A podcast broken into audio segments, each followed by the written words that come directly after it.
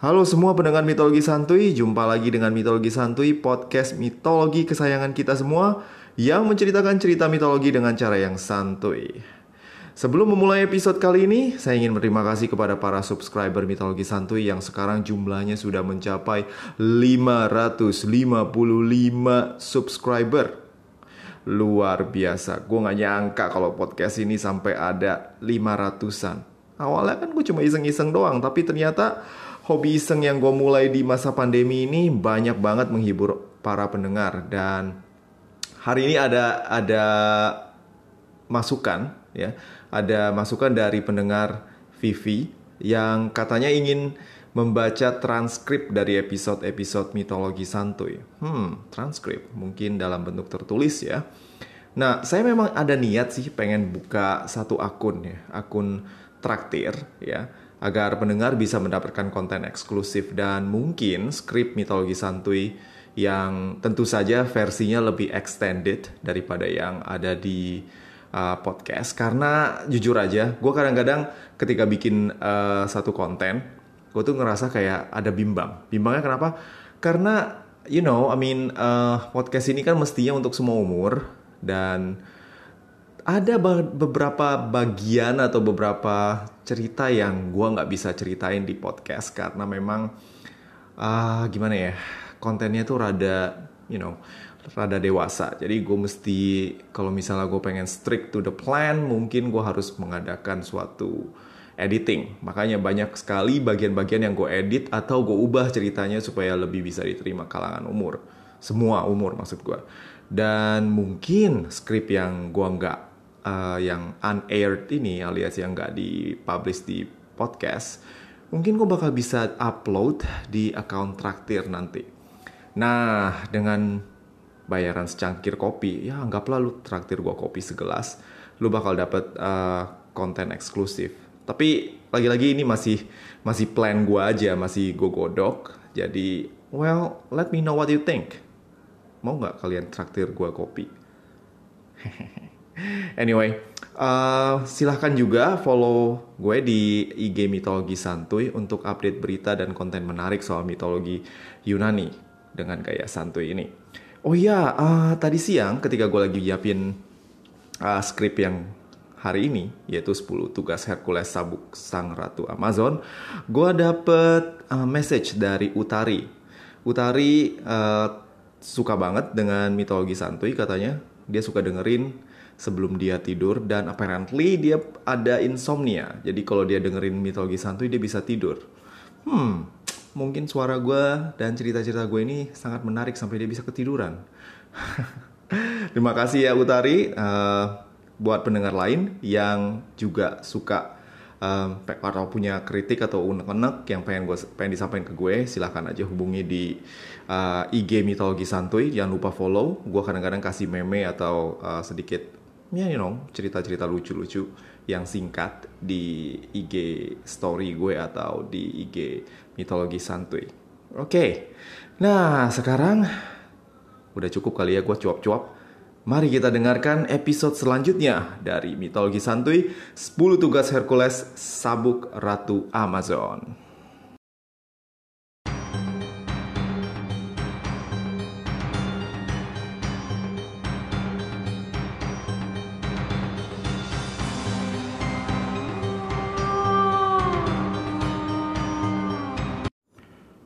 Malam menjelang di balairung istana Orestes. Tidak seperti malam-malam sebelumnya, malam ini suasana meriah penuh pesta sedang menghiasi ruang yang biasanya membosankan ini. Meja besar tertata dengan tamu istana yang begitu menikmati makanan yang hidangkan. Ayam panggang, babi panggang, ikan panggang, dan segala yang dipanggang kecuali belalang panggang tampak terhidang di meja perjamuan. Semua tamu tampak begitu menikmati pesta. Orestes yang tengah merayakan Sweet Seventeen anaknya Admete tampak sangat menikmati pesta. Sang anak Admete yang sekarang telah cukup umur begitu puas dengan apa yang telah diberikan oleh ayahnya. Orestes Raja Mycenae memang sangat mencintai anak semata wayangnya, si Admete ini. Nah, pesta yang luar biasa meriah ini dihadiri oleh Hercules juga, Walaupun Hercules itu memang sebagai paman ya, karena memang you know Orestes ini kan masih sepupunya sendiri. Tapi ternyata Hercules tidak diperkenankan untuk duduk makan bersama dengan keluarga kerajaan. Pahlawan kita ini malah sibuk menikmati kendi-kendi anggur sendirian di pojokan. Ah, sebodoh amat ini pesta siapa. Gua ke sini cuma buat makan sama minum gratisan. Bodoh ah. Hercules begitu menikmati momennya sendirian sampai Orestes menyadari keberadaannya dan memanggilnya ke depan. Hei Hercules, saudaraku. Sini kemari. Kau belum ucapin selamat keponakan loh. Sini, sini. Kata-kata Orestes yang ramah dan senyumnya yang penuh seribu arti sudah terbaca oleh Hercules. Alah, nih pasti ada maunya nih orang. Biarlah, gue juga udah enek jadi budak nih orang. Hercules meneguk kendi andunggur terakhirnya dan kemudian maju melangkah ke hadapan Orestes dan Admete yang matanya langsung berbinar-binar melihat Hercules, pamannya yang gagah perkasa. Ah, Oke, selamat ulang tahun Admete. Semoga dirimu tumbuh besar, bijak, dan baik hati seperti mamamu.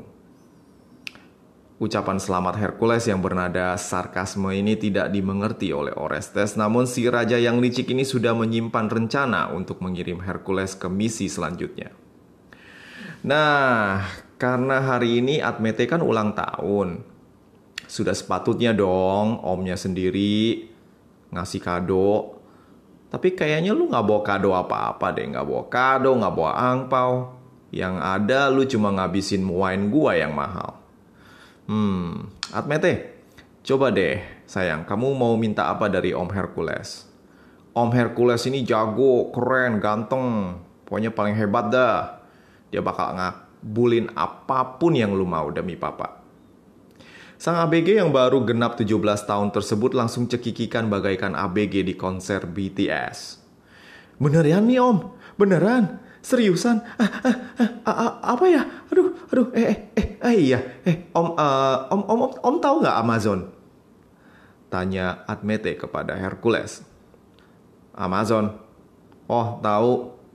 Itu kan situs belanja online yang baru ada beberapa ribu tahun ke depan. Saingan Alibaba punya Jeff Bezos. Eh, bukan om, bukan. Sanggah Admete. Amazon itu Amazon yang suku wanita petarung yang yang katanya keturunan langsung dari Ares itu loh yang yang dewa perang. Aku ngefans banget sama mereka, tangguh, cantik dan beneran keren. Oh, oke. Okay. Terus nape? Tanya Hercules yang sebenarnya malas meladeni anak ABG ini. Nah, Para wanita Amazon ini punya ratu yang gagah berani, cantik, kuat, dan tak tertandingi di kantara para wanita. Konon, tak ada seorang pria pun yang sanggup menaklukkannya. Namanya Hippolyta. Oh, oke. Okay. Terus nape? Nah, gini om. Hippolyta ini punya sebuah sabuk dengan permata indah yang dikasih oleh bapaknya si Ares, dewa perang. Konon, katanya siapa pun yang pakai sabuk ini tidak akan terkalahkan. Oh, oke. Okay. Terus nape? Aku ingin sabuknya Hippolyta, Om. Hah? Wait a minute. You mau Om pergi jauh-jauh ke tanah suku Amazon, terus minta su minta ratunya copotin itu sabuk and kasih ke Om, terus Om kasih ke lu. Ya jangan gila juga kali, Nak. Sanggah Hercules. Eh, eh, Hercules, jangan komplain. Ya, yeah? ingat, permintaan Admete kali ini adalah misimu selanjutnya. Sudah, jangan banyak komplain. Pergi sana, dan jangan bawa anggur gue lagi. Nyari semua lo minum. Kata Orestes yang rada sinis tersebut. Iya, yeah, pelit.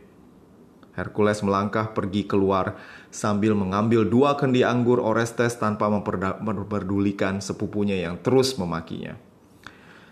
Tak seorang pun prajurit berani menghalangi Hercules. Selain mereka ngefans dengan Hercules, mereka juga tidak berani baku hantam dengan putra Zeus yang super kuat itu. Berbeda dengan tugas-tugas yang telah dijalankannya, tugas kali ini membuat Hercules harus membawa satu rombongan bersamanya. Jika dulu dia berhadapan dengan monster, maka kali ini dia harus berhadapan dengan ratu dari suku yang terkenal pandai bertarung. Setelah mengumpulkan satu kru kapal yang ketangkas, Hercules pun kemudian berlayar ke timur, mengarungi Laut Hitam menuju Pontus, wilayah kekuasaan suku Amazon. Nah, sedikit cerita background story ya tentang Amazon, suku Amazon. Jika Anda baru-baru ini pernah nonton atau udah nonton film Wonder Woman atau Justice League versi uh, Zack Snyder ya, jangan versi you know Josh Whedon yang sampah itu. Anda mungkin bisa mendapatkan gambaran mengenai suku wanita petarung yang disebut Amazon ini. Jadi ceritanya gini, konon ya, Ares, sang dewa perang, pernah berhubungan dengan seorang peri yang bernama Nymphonia. Well, dari namanya kalau lu tahu arti Nymphonia, so yeah, figure it out. Nah, dari hubungan keduanya lahirlah Hippolyta dan saudari-saudarinya yang tangguh. Dan merupakan definisi wanita tangguh to the core. Karena mereka ini gemar bertarung dan tidak pandang bulu terhadap siapa pun.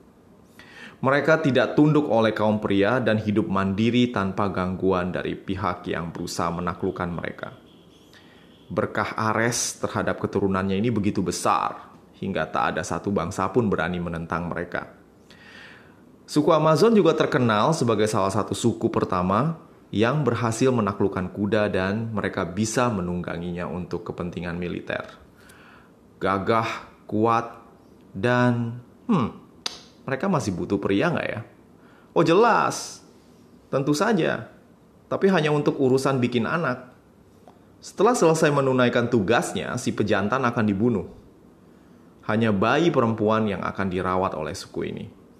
Bayi laki-laki akan dibunuh karena dianggap tidak layak menjadi bagian dari suku Amazon. Kejam, Well, menurut bangsa Amazon, di luar sana banyak suku bangsa yang menindas kaum wanita dan menjadikan mereka cuma sebagai pemuas nafsu saja. Atau, ya you know, sebagai penghasil anak, nggak lebih. Dan suku Amazon menganggap mereka menghargai wanita lebih dari suku-suku yang ada di seluruh dunia. Suku Amazon ini benar-benar feminis jauh sebelum kata feminis itu ada. Nah, dengan background story seperti ini, tentu pahlawan kita Hercules, walaupun dia gagah perkasa dan pemberani, dia nggak akan berani gegabah. Sehingga dia membutuhkan bantuan satu rombongan pasukan untuk menemani misinya. Nah, kapal Hercules menyamar sebagai kapal pedagang.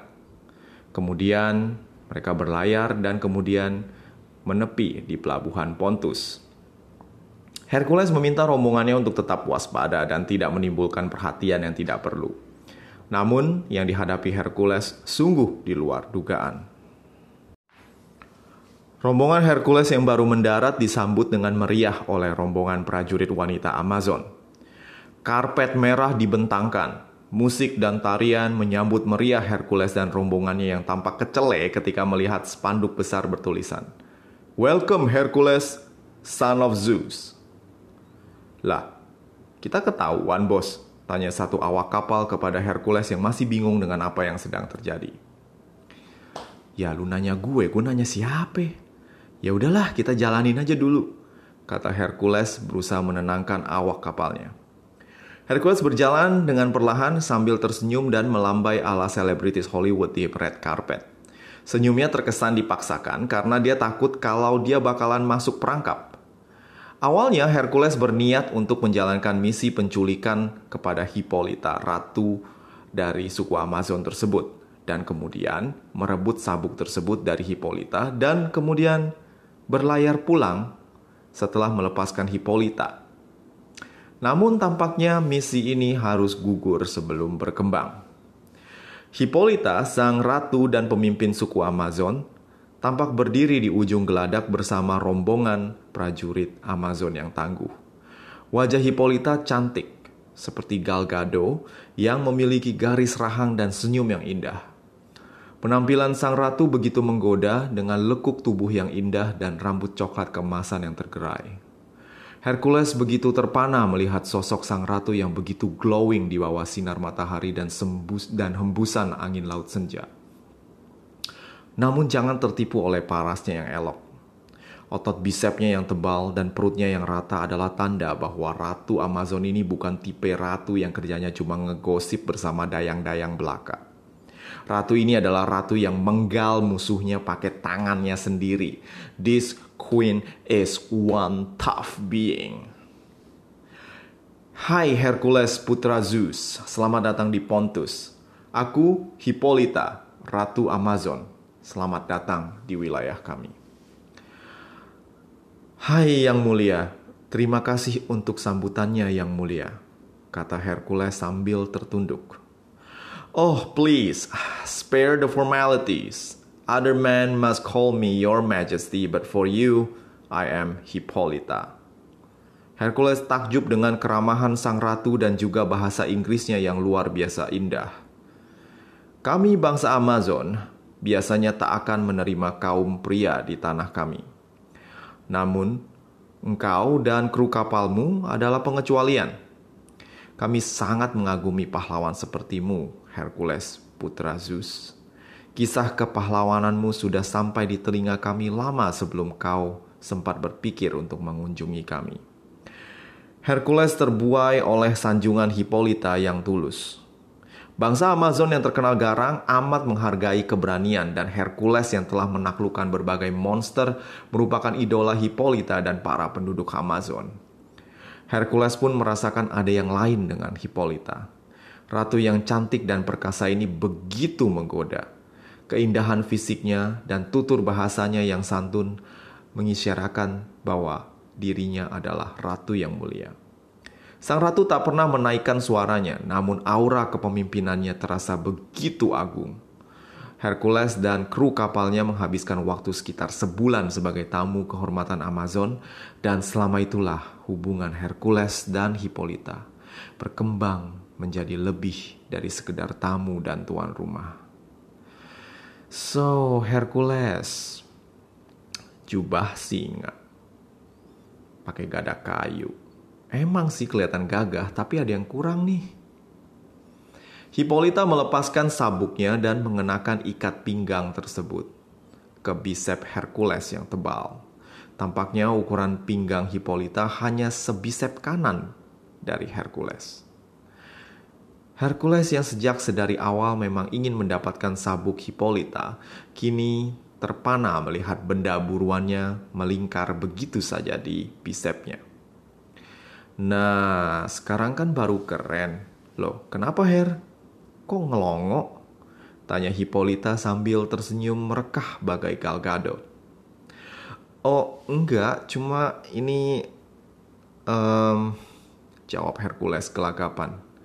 Kenapa? Takut gak maco kalau pakai sabuk ini? Tanya Hippolyta sambil gelayutan di lengan Hercules yang kokoh. Oh enggak sih, cuma ya gini loh. Lu tau nggak kalau gue lagi misi penebusan dosa? Jadi gue mesti ngerjain 10 tugas buat Orestes biar gue diampuni para dewa gara-gara gue uh, kesurupan dan bunuh keluarga gue. Jelas Hercules.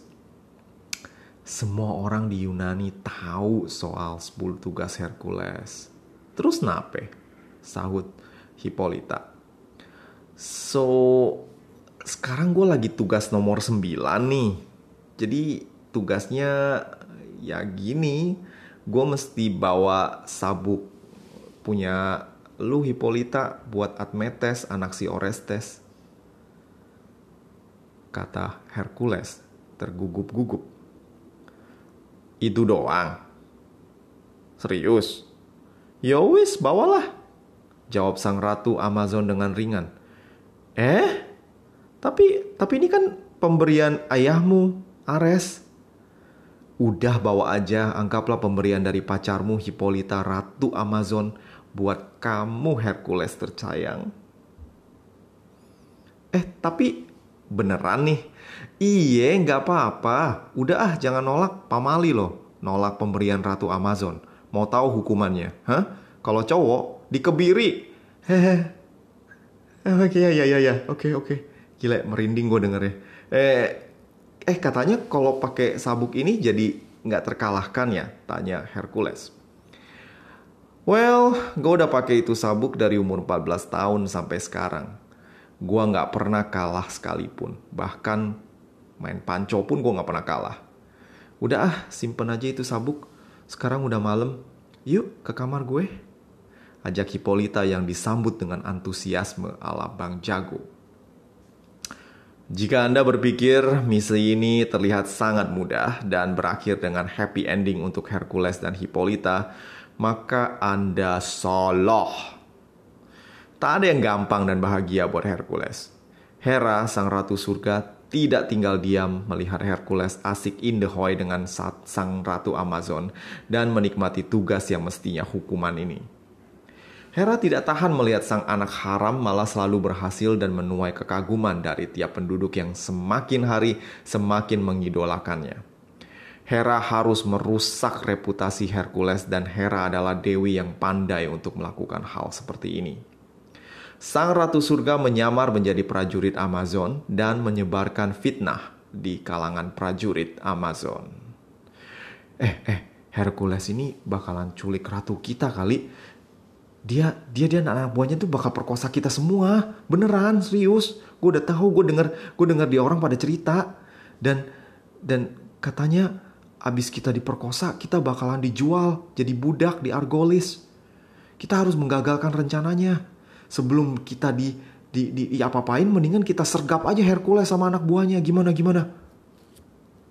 Fitnah ini beredar cepat bagaikan gosip mak lambeh turah anak buah Hercules yang kala itu sedang beristirahat tiba-tiba diserang, disergap oleh rombongan prajurit Amazon yang ganas. Sontak rombongan Hercules kaget dan banyak korban jatuh di kedua pihak. Sementara itu Hercules yang tertidur usai menikmati saat intim dengan Hippolyta terbangun. Suara apa sih ini subuh-subuh gini? Kata Hercules sambil menguap. Paling juga anak buahmu sedang berpesta sayang. Sini balik tidur, kata Hippolyta. Hercules yang penasaran membuka jendela dan melihat rombongannya sedang mempertahankan diri dari serangan pasukan Amazon. Sebuah panah bahkan melesat ke arah dirinya dan nyaris melukai tubuhnya. Hippolyta terkejut melihat apa yang terjadi, namun dirinya tidak. Sebelum dia bisa mencari tahu apa yang terjadi, Hercules telah terpengaruh dengan apa yang telah dilihatnya. Sang pahlawan melihat saudara sebangsanya dibantai dan emosinya yang lama tak tersulut kemudian meledak bagai meriam. Hercules mulai gelap mata dan sasaran terdekatnya adalah Hippolyta yang tidak bersalah. Kau, kau, kau sengaja ngejebak kami ya. Kau jadi jadi kamu baik-baik dari awal ini. Ini rencanamu, ha? Hercules, tidak, tidak. Aku aku tidak tahu ini ini ini belum selesai Hippolyta menjelaskan, Hercules langsung menarik sang ratu Amazon dan menghajarnya sampai pingsan. Hercules berlari keluar dan bertempur dengan pasukan Amazon yang terkejut melihat Hercules. Rombongan Hercules yang dalam posisi terdesak langsung mendapatkan kekuatan baru untuk bertahan dan memukul balik pasukan Amazon. Hercules memimpin serangan balik dan banyak korban jatuh di pihak suku Amazon yang kemudian membuat mereka berlari meninggalkan Pontus. Hmm, mari kita tinggalkan tempat ini. Bentangkan layar, kita berangkat pulang. Teriak Hercules sambil memberi aba-aba mundur ke kapal. Hercules dan rombongannya berhasil pergi dari Pontus dengan selamat.